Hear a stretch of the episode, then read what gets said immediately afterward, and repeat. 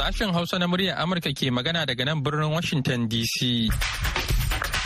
Masu sauraro Assalamu alaikum barkanmu da wannan lokaci.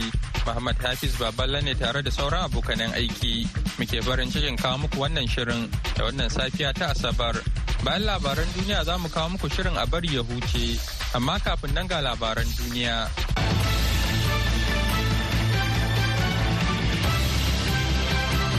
Assalamu alaikum da fatan an wani.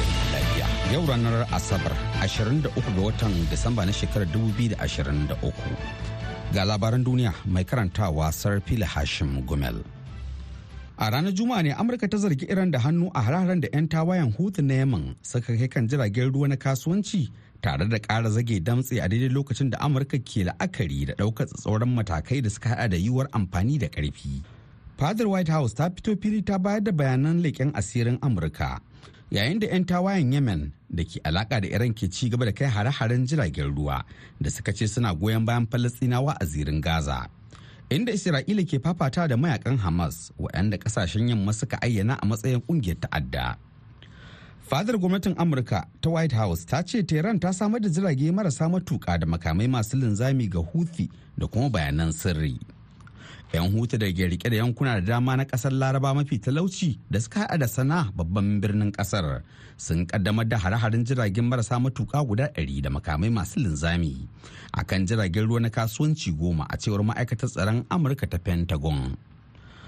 A ɗaya ɓangaren kuma bayan shafa kwanaki ana tattauna mai tsanani kan batun dakatar da fada tare da samar da kayan agaji zuwa zirin gaza da yaƙi ya ɗaiɗaita amurka bata hau kan kujerar naƙi ba a ranar juma'a kan wani ƙudurin kwamitin sulhu na majalisar ɗinkin duniya wanda kwamitin mai ƙasashe goma sha biyar suka amince da shi.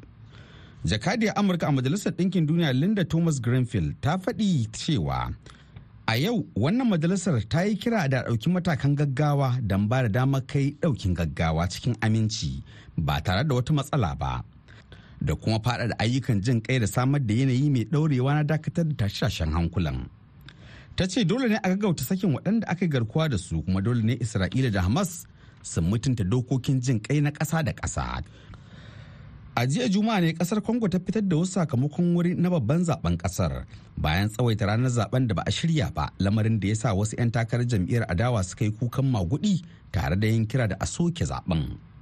Sakamakon wucin gadi na dubin dubatan masu kada ƙuri'a a cikin 'yan gurin hijirar Congo ya nuna cewa shugaba Felix Tshisekedi ne ke kan gaba akan masu hamayya da shi. Hukumar zaɓen ƙasar ta Seni ta ce za a fara fitar da sakamakon zaɓen da aka kada a ƙasar Congo. Ta samu rajistar kimanin mutane miliyan 44 daga ranar asabar. A wani taron manema labarai a kinshasa babban birnin ƙasar shugaban hukumar zaɓen sani davis kidima ya sake yin watsi da sukar da 'yan adawa da masu sa ido masu zaman kansu ke yi na cewa tsawaita kada ƙuri'ar ya kasance cikin rudani da rashin gaskiya. Zaɓukan da kan janyo cece kuce sukan haifar da tarzoma a ƙasar ta biyu mafi girma a afirka wadda kuma ita ce ƙasa ta uku a duniya wajen samar da tagulla kuma ita ce kan gaba wajen samar da cobalt wani muhimmin sashi na batirin motoci masu amfani da wutar lantarki. A yayin da dakarun 'yan adawa ƙasar Myanmar da ƙungiyoyin ƙabilu masu ɗauke da makamai ke ƙara ƙaimi wajen yaƙar gwamnatin mulkin soji, kafofin yaɗa labaran ƙasar na ci gaba da ƙoƙarin yaɗa wannan mataki. Tun a watan Oktoba gamayyar ƙungiyoyin ƙabilu masu ɗauke da makamai a arewacin jihar Shan sun ƙwace garuruwa dama da kuma ɗaruruwan ofisoshin sojoji. Masu lura al'amura da yana ganin cewa wannan farmaki shine barazana mafi girma ga gwamnatin mulkin soja tun bayan da sojoji suka ƙwace mulki a ranar 1 ga watan fabrairun shekarar 2021 inda suka ɗaure shugabannin da suka zaɓa bisa tafarkin dimokuraɗiyya tare da ɗimbin 'yan jarida da 'yan adawa. Yayin da hukumomi suka soke lasisin kusan gidajen jaridu goma sha biyu tare da kame ma'aikatan watsa labarai da yawa. 'yan jarida da yawa sun kwashe kayansu zuwa gurin hijira.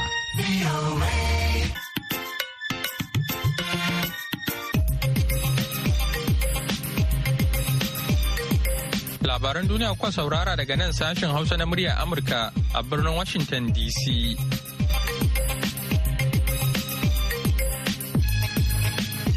kuma sai a gyara zama domin jin shirinmu na gaba.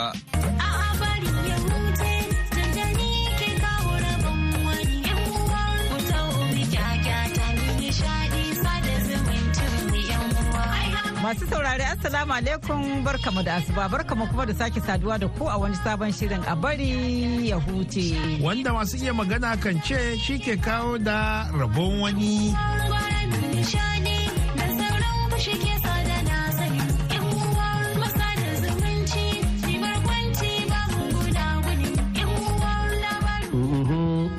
Wayo kaina.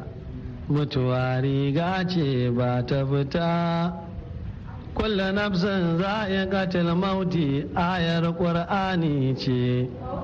Duk sanda na zo kan ayar nan ni sai na ɗi mauce rigar nan dai mutuwa da zai yi wuda na tube ta. Wayoni kan lamarin mutuwa na tausan kaina. Ba zan manta badan mutuwa ta yi mun yankan ƙauna. Jama'a salamu alaikum. Barkamu da asuba da fatar an wayi gari lafiya a yau asabar ta biyun ƙarshe a shekara ta 2023 da fatar an wayi gari lafiya da mai sauraro ya ji wannan waƙa ya san halin da muke ciki kamar yadda muka alkawarta makon da ya shige baba. Yau shirin nan ɗungurungun mun yi shi ne domin karrama tsohon abokin aikinmu babban yayanmu ni babban yaya kowa ya sani da shi. Alhaji kabiru fage da allah ya yi wa rasuwa makon da ya gabata. Yau mako ɗaya da kwana ɗaya kenan. Gaskiya. Haka yake. To masu saurare sun yi ta aiko mana jaje baba. Haka. Da waɗanda za mu iya sawa da waɗanda sun yi yawa dai saboda haka kamar yadda muke faɗa kullum komi kirkin ka baka gama kasuwa da gaisuwa. Sabili da haka za mu takaita shi ga wakilanmu da abokan aiki da shi shugaban sashen hausa da kuma iyalan shi marigayi. Eh haka yake. to kamar dai yadda masu saurare suka sani shi marigayi alhaji kabiru fagina ɗaya daga cikin ma'aikatan sashen hausa na farko kuma kusan sai ka ce shi ne na biyun ƙarshe da ya rage da rai. Domin daga cikin ma'aikatan sashen hausa na farko duka allah ya musu cikawa.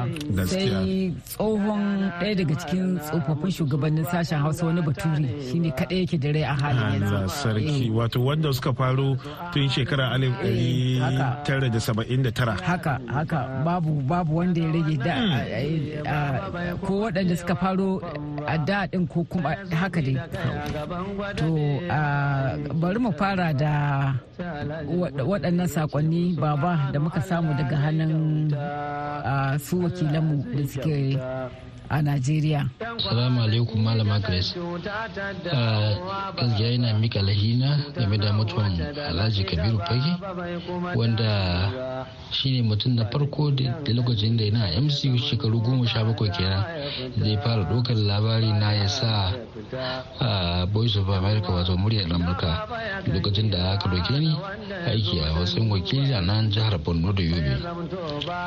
Gaskiya muna mika alheri kuma Allah Ubangiji ya cikin alhaji kabiru usman fage. Mun gode ƙwarai da gaske. Inna lillahi wa inna ilaihi raji'un. Inna lillahi wa inna ilaihi raji'un. Inna lillahi wa inna ilaihi raji'un.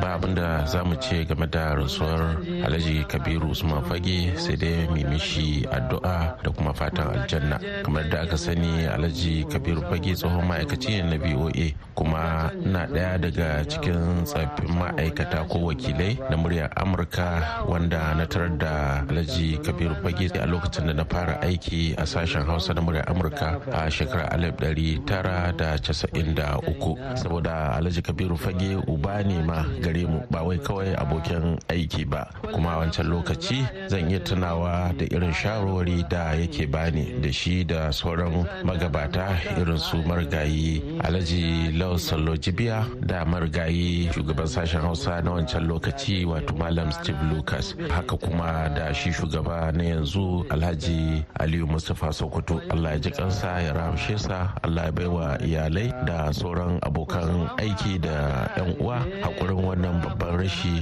da aka yi. Malama grace sunana ado abdullahi hazard. Daya daga cikin abokai abokan aiki na marigayi kabiru usman fage. Kabiru usman fage mutum ne mai saukin kai wanda baya son tashin hankali mai haƙuri. Mai ba da dariya? Mun yi aiki da shi a nta kuma mun yi aiki da shi a voa a lokacin da nake wakilin su a nan bauchi. Mun yi aiki mun kuma yi karatu da shi a ingila a wani course da muka yi a biz news international school. Ina mana mai ta'aziyya rasuwar alhaji kabiru usman fage.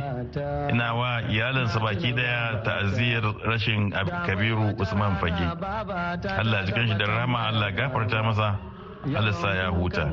Farko dai ni Nasiru Adamu Alhikaya zan ce inna lillahi wa inna ilaihi raji'un. Mun yi babban rashin wannan dattijo dan jarida wanda yana gabatar da shirye-shirye to irinsa ne za mu ce kamar ka bar rediyon ka yana aiki dare da rana ne. Alhaji Kabiru Fage babu shakka ya yi tasiri ainu a duba yadda ya bar aikin nan na VOA ya ritaya shekara ta dubu da goma sha huɗu amma mutane ba su daina tambayar labarinsa ba dan yana cikin wayanda aka fi ma tambaya ta labarinsa. Wai ina alhaji kabiru fage ya shiga ne? Ce ina nan a amurka ina nan. Kuma abin da zan ma fi tunawa da shi shine shirye-shiryensa da ya gabatar. Tun lokacin da na fara aiki a nan muryar amurka a matsayin wakili wato kamar shirin nan na ilimi garkuwar dan adam shirin musulunci tushen rayuwa. Da ma wani shiri da ya yi ina ga shirin bai daɗe ba wani gari ya waye. To duk waɗannan shirye-shirye na aika rahotanni da yawa waɗanda ake amfani da su a cikin waɗannan shirye shirye-shiryen kuma ba shakka alhaji kabiru yana ɗaya daga cikin mutane da zan ce mun yi hulɗa da su sosai ta yadda kusan zan ce ba mu taɓa samun saɓanin fahimta kan wani aiki da na yi ko kan wani aiki da ya sani na yi a nan muryar amurka ba. Kuma a lokacin alhaji kabiru da yake ya sani da sali shehu ashaka in zai tambaya kan ya laƙaba wa sali shehu ashaka suna sale breaking news. Wato in ka ji labarin da zai baka wani labari ne da aka yi shi yanzu yanzu. Akwai wata shekara da ya zo najeriya ita ce ma zan ce daga wannan zuwan da ya yi sai lokacin da ya ajiye aiki ya zo kamar zai zauna allah da ya zama a nan kano ba ya sake komawa amurka. ya bugo min waya ya ce yana son in ya zo filin jirgin sama na nan abuja yana so ya gama abubuwan nan take don zai wuce kano ne daga nan. don haka da zo na tabbatar an yi magana an bincika kayansa akan lokaci ya samu ya wuce. To kawai sai muka shirya muka tafi. nan ne na samu muka gaisa sosai sai na gane ma abin da kawai yake nufi irin abin nan ne na dattawa. Na zo ne mu gaisa mu gana gaba da gaba mu sada zumunci. Allah shi ne kawai. Da lokacin ma na zo na samu mutane da yawa sun gane shi sun zo ana ta ɗaukar hoto ana ta murna ana abin da ba a cewa komai sai alheri kawai da aka sada a wannan lokacin. Allah ya saka masa da alheri. To marigayi Alhaji Kabiru Fage mutumin kirki ne dattijo mai fara'a mai ban dariya kuma duk wanda ya mu'amala da shi zaka ji ya yaba masa. Na san shi tun yana principal editor a NTA Kano ni kuma na NTA Kaduna sanda wani aiki ya kai ni can. Sannan kuma lokacin da na nemi komawa da aiki a nta kano daga kaduna. Da irin shawarwarin da ya bani na ji daɗi. a lokacin kuma da ya zo ya sami aiki da muryar amurka sai zumuncinmu ya karu musamman kuma lokacin ma da je amurka din a wannan lokacin an zauna an yi mutunci an zauna an ji daɗin harkoki yau da kullum har na barocin ya guda mutunci ƙwarai kuma a matsayin shi na shugaba na edita ina. Duk yadda za ku yi wani mu'amala na batun aiki na wane ne cike za ka ji shi da mutuntaka. ma'ana yana baka darajar kan ma'aikaci ƙarami kasa da shi. to wannan amce an yi babban rashin dan uwa abokin aiki shugaba. Allah ya kan shi ya rahamshe shi ya sa huta. sani shi abin malumfashi.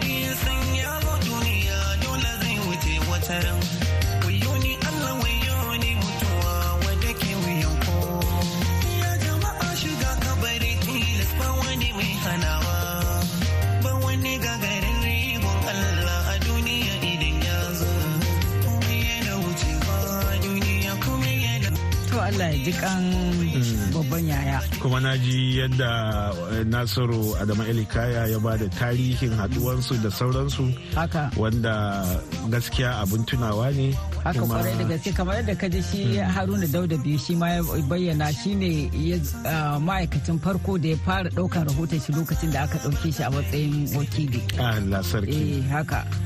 Akwai akwai dattako ƙwarai da Ah, gaske. Eh, akwai sosai dattako kuwa alko ni ina da tarihi da zan bayar game da wannan Eh, dattijo. haka. saboda ziyara ta ta farko Eh. a nan washington dc in kina Eh, tunawa eh, a shekarar 2009 da na kawo ziyarar nan gaskiya ya bani lokaci kuma ya nuna min ubani sosai. Ainihin lokacin da na zo ni kuma lokacin da aka ɗauke ni aiki eh, baba kasan dai duk wanda aka ɗauka aiki duk inda ka je sabon wuri sai an kama maka hannu. Haka. To ba- shi babban yaya yana ɗaya daga cikin ma'aikatan da zan ce shi ba ba ma ya zuwa ba ya jira ma in je in tambaya. Da ya gani kawai na tsa sai ka gan shi ya tau ya ɗauko ya ya kama hanya ce to to menene menene menene kanwata menene? Allah sarki. Wata ran baba ya ya gaya min ya ce ai ai ke baki sani ba. Ya ce lokacin da kika zo da kika zo shigo daga shigowanki ofis sai kawai sai kika miƙe kai tsaye wuri na sai kika ce babban yaya ina kwana? Sai kamar kin zuba min ruwa a jiki ya ce sarki. tun daga wannan lokacin na na kudura a raina cewa duk abin da kike nema haka ne ba zan ba bari zan riƙe ki Eh, kanwa a- ke haka haka. to haka muka yi rayuwa da babban yaya har bayan da ya ritaya. Shekaru biyu ma bayan ritaya shi har jamila ta fara aiki wadda zai kira ne ya ce kanwata kaza kaza kaza kaza. To dai na ji daɗin babban yaya ƙwarai da gaskiya ya zama mun babban yaya kamar ya ci sunan shi ƙwarai ƙwarai Allah sarki. Eh, to mun kuma eh, abokan aiki su ma kal- eh, kalilan kamar da muka ce ba za mu iya ba kowa lokaci domin Karancin eh, lokacin yawwa, ya- to eh, a ƙarshe duka daga cikinmu duka babu wanda ya fi daɗewa da aiki. Da shi marigayi Eh, kamar eh, shi aliyu mustapha sokoto alhaji aliyu shugaban ah, sashen hausa. To, Assalamu alaikum. To, da farko dai a madadin duka ma'anar sashen wasu na mura Amurka muna mika saƙon godiya matuƙa ga dukkan mutanen da suka kira mu ta hanyoyi daban-daban suna mana ta'aziyar wannan babban rashi da muka yi na Alhaji Kabiru Usman Fage wanda Allah ya cikawa a bayan gajeruwar rashin lafiya da ya fama da ita. Allah ji kansa Allah ya rahamshe shi. Duk wanda wato ya san Kabiru Fage da kyar bai ji labarin mutuwarsa ba saboda yadda kafofin watsa labarai na duniyar nan na social media wato na kafofin watsa labarai na zamani da sauransu suka ɗauki labarin. Kuma sannan duk wanda yake bibiyar labarin zai ga yadda mutane da yawa suka yi ta ba da shaida mai kyau ta alheri game da shi wannan bawan allah bayan da allah ya masa cikawa. Kabiru fage sananne ne ƙwarai da gaske tun ma kafin ya zo na murya amurka tun yana malamin makarantar sama har lokacin da ya zo magani ake da jaridancin nan. Kuma ni da shi wata kila yana jin wata biyu ko uku ne a tsakanin mu zuwa amerika ya zo bayana da watanni biyu ko uku. Saboda haka mun daɗe da sanin juna da shi kuma akwai tarayya da mu'amala da cuɗanya ba ta aiki kaɗai ba har ta iyali da zamantakewa. Mutumin da shugaban ƙasar najeriya ya fito yana ce duniya juyayi da alhini na mutuwarsa kasan ba ƙaramin yan jarida ba ne saboda haka babban shi najeriya da afirka da kuma duk masana'antar jaridu ta duniya muka yi. Abin da kawai za mu ce shine kabiru ya gama da duniya na lafiya saboda duk zamansa a amerika din na haye aiki ya ajiye. Ba za ka ce ga abokin rigimar kabiru ba. Muri ya gama da mu lafiya.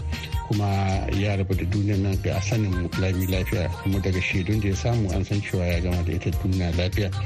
Illa kawai mu ci gaba da yi masa addu'a na cewa allah ya ji kansa ya ramishe shi allah ya bar abin da ya bar yau baya albarka kuma allah ya sa cika da imani. Mu kuma da ya bari allah ya sa mu cika da imani mu tashi da imani. Allah ya gafarta masa. Salamu alaikum.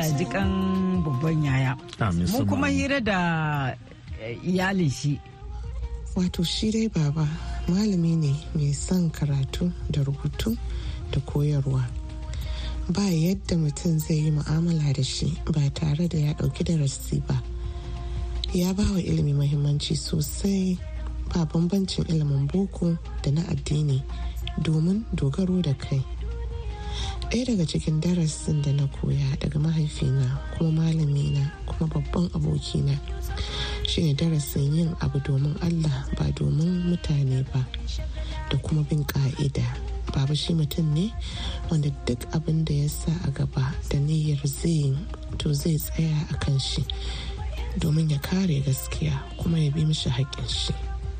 Baya son ja'in ja da cece kuce da duk abin da zai tada zaune tsaye.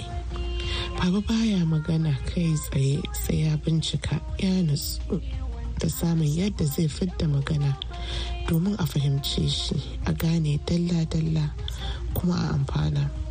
Shi a matsayin malami ne a koda yaushe rayuwar shi ta kasance cikin mai koyarwa a kullum. Sai idan mutum bai niyyar koyo ba ba mai magana ba ne. Amma idan har ya yi magana to da akwai abin koyo da ɗauka a ciki. Amma fa kuma ba shi da tilasta wa mutum. Ba abin da zai hana shi mu'amala da mutum. Idan ya ba shi shawara kuma bai ɗauka ba.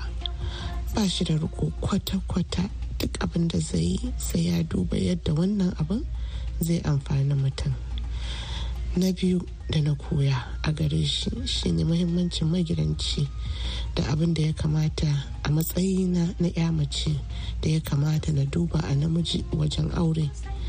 Baba ya koya mana da baki kuma ya nuna mana a zahiri yadda suka yi rayuwar shi da mahaifiyarmu cewa duk wani dan adam mutum ne ba wani wanda ya fi wani ba gwagwarmayar tsakanin ƙarfin mace da na namiji.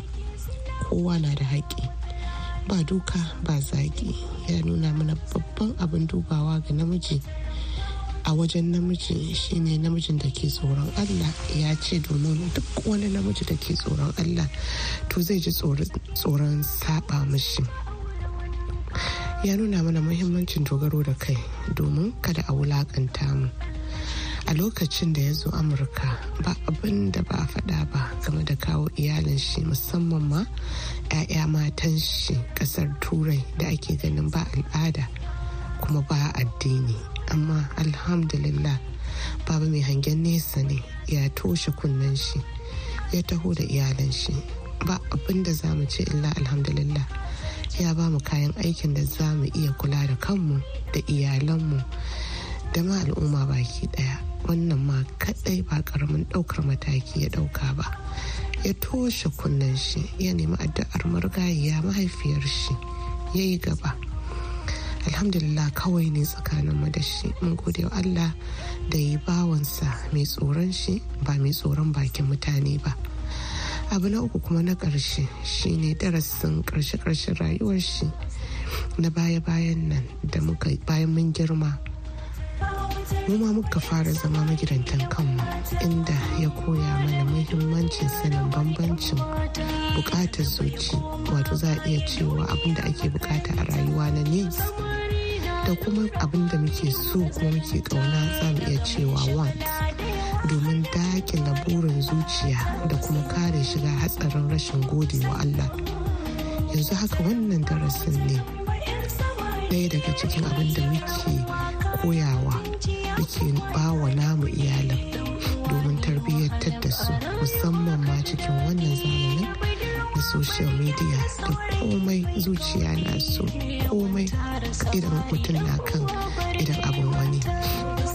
Allah ya taimaka mana Allah ya ji kan baba Allah ya masa rahama Allah ya haskaka kabarinsa Allah ya faɗaɗa kabarinsa Allah ya sa shi cikin mutanen da za su tashi tare da Rasulullah sallallahu alaihi wasallam.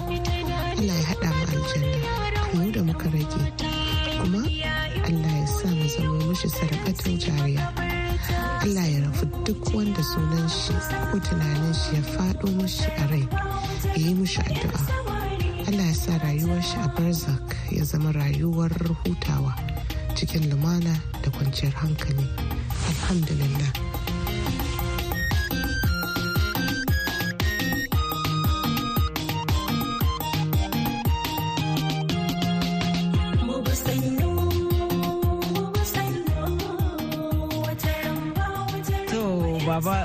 Baba kaji abin da jamila take faɗa a madadin iyali gaskiya.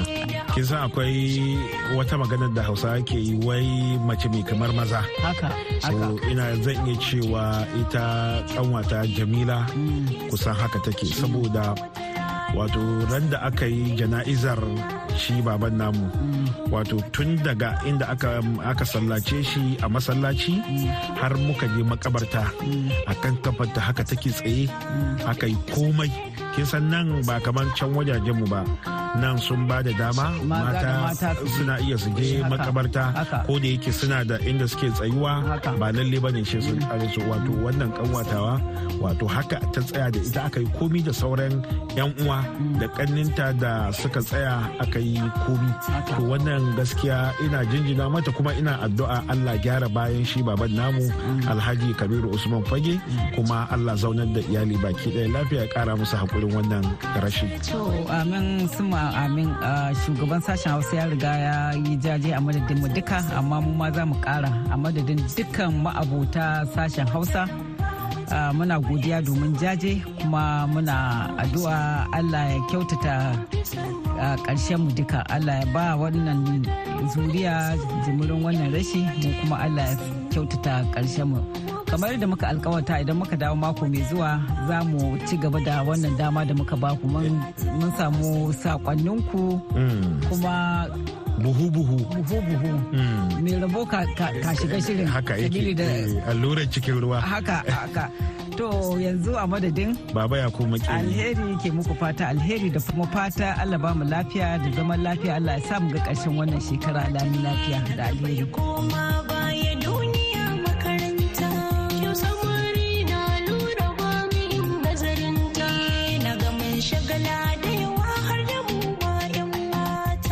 Wannan shirin na zuwar muku ne kai tsaye daga nan sashen Hausa na muryar Amurka a birnin Washington DC. Ga masu sauraron ma jamhuriyar Nijar za ku iya sauraron ma tashar mu ta BOA Africa akan mita 200.5. Baya ga haka a koda yaushe ake so za ku iya zuwa shafukanmu na intanet wato a voahausa.com ko kuma sashin hausa.com ko kuma shafukanmu na sada zumunta facebook da twitter domin sauraron shirye-shiryenmu inda za ku kuma iya yin tsokaci da bayyana ra'ayoyi. Kuna kuma iya aiko mana da saƙonni ta hanyar email a sashin hausa at voanews.com da haka ne kuma muka kawo ƙarshen shirin namu a wannan lokaci sai kuma da rana ku ji abokanan aikinmu da wani sabon shirin da ya hada da adawo lafiya shirin da ke faɗakar da al'umma kan abin da ya shafa harkokin sufuri. Za ku iya samun ƙarin haske kan dukkan rahotannin da muka gabatar har ma da ƙari a shafinmu na intanet boahausa.com da kuma shafinmu na sada zumunta facebook da kuma twitter. Yanzu a madadin dukkan waɗanda suka ba da gudunmawa ga nasarar wannan shirin da suka hada da Julie Gresham da ta hada shirin da ba da umarni Muhammad Hafiz Baballa ke sallama da ku a wuni lafiya.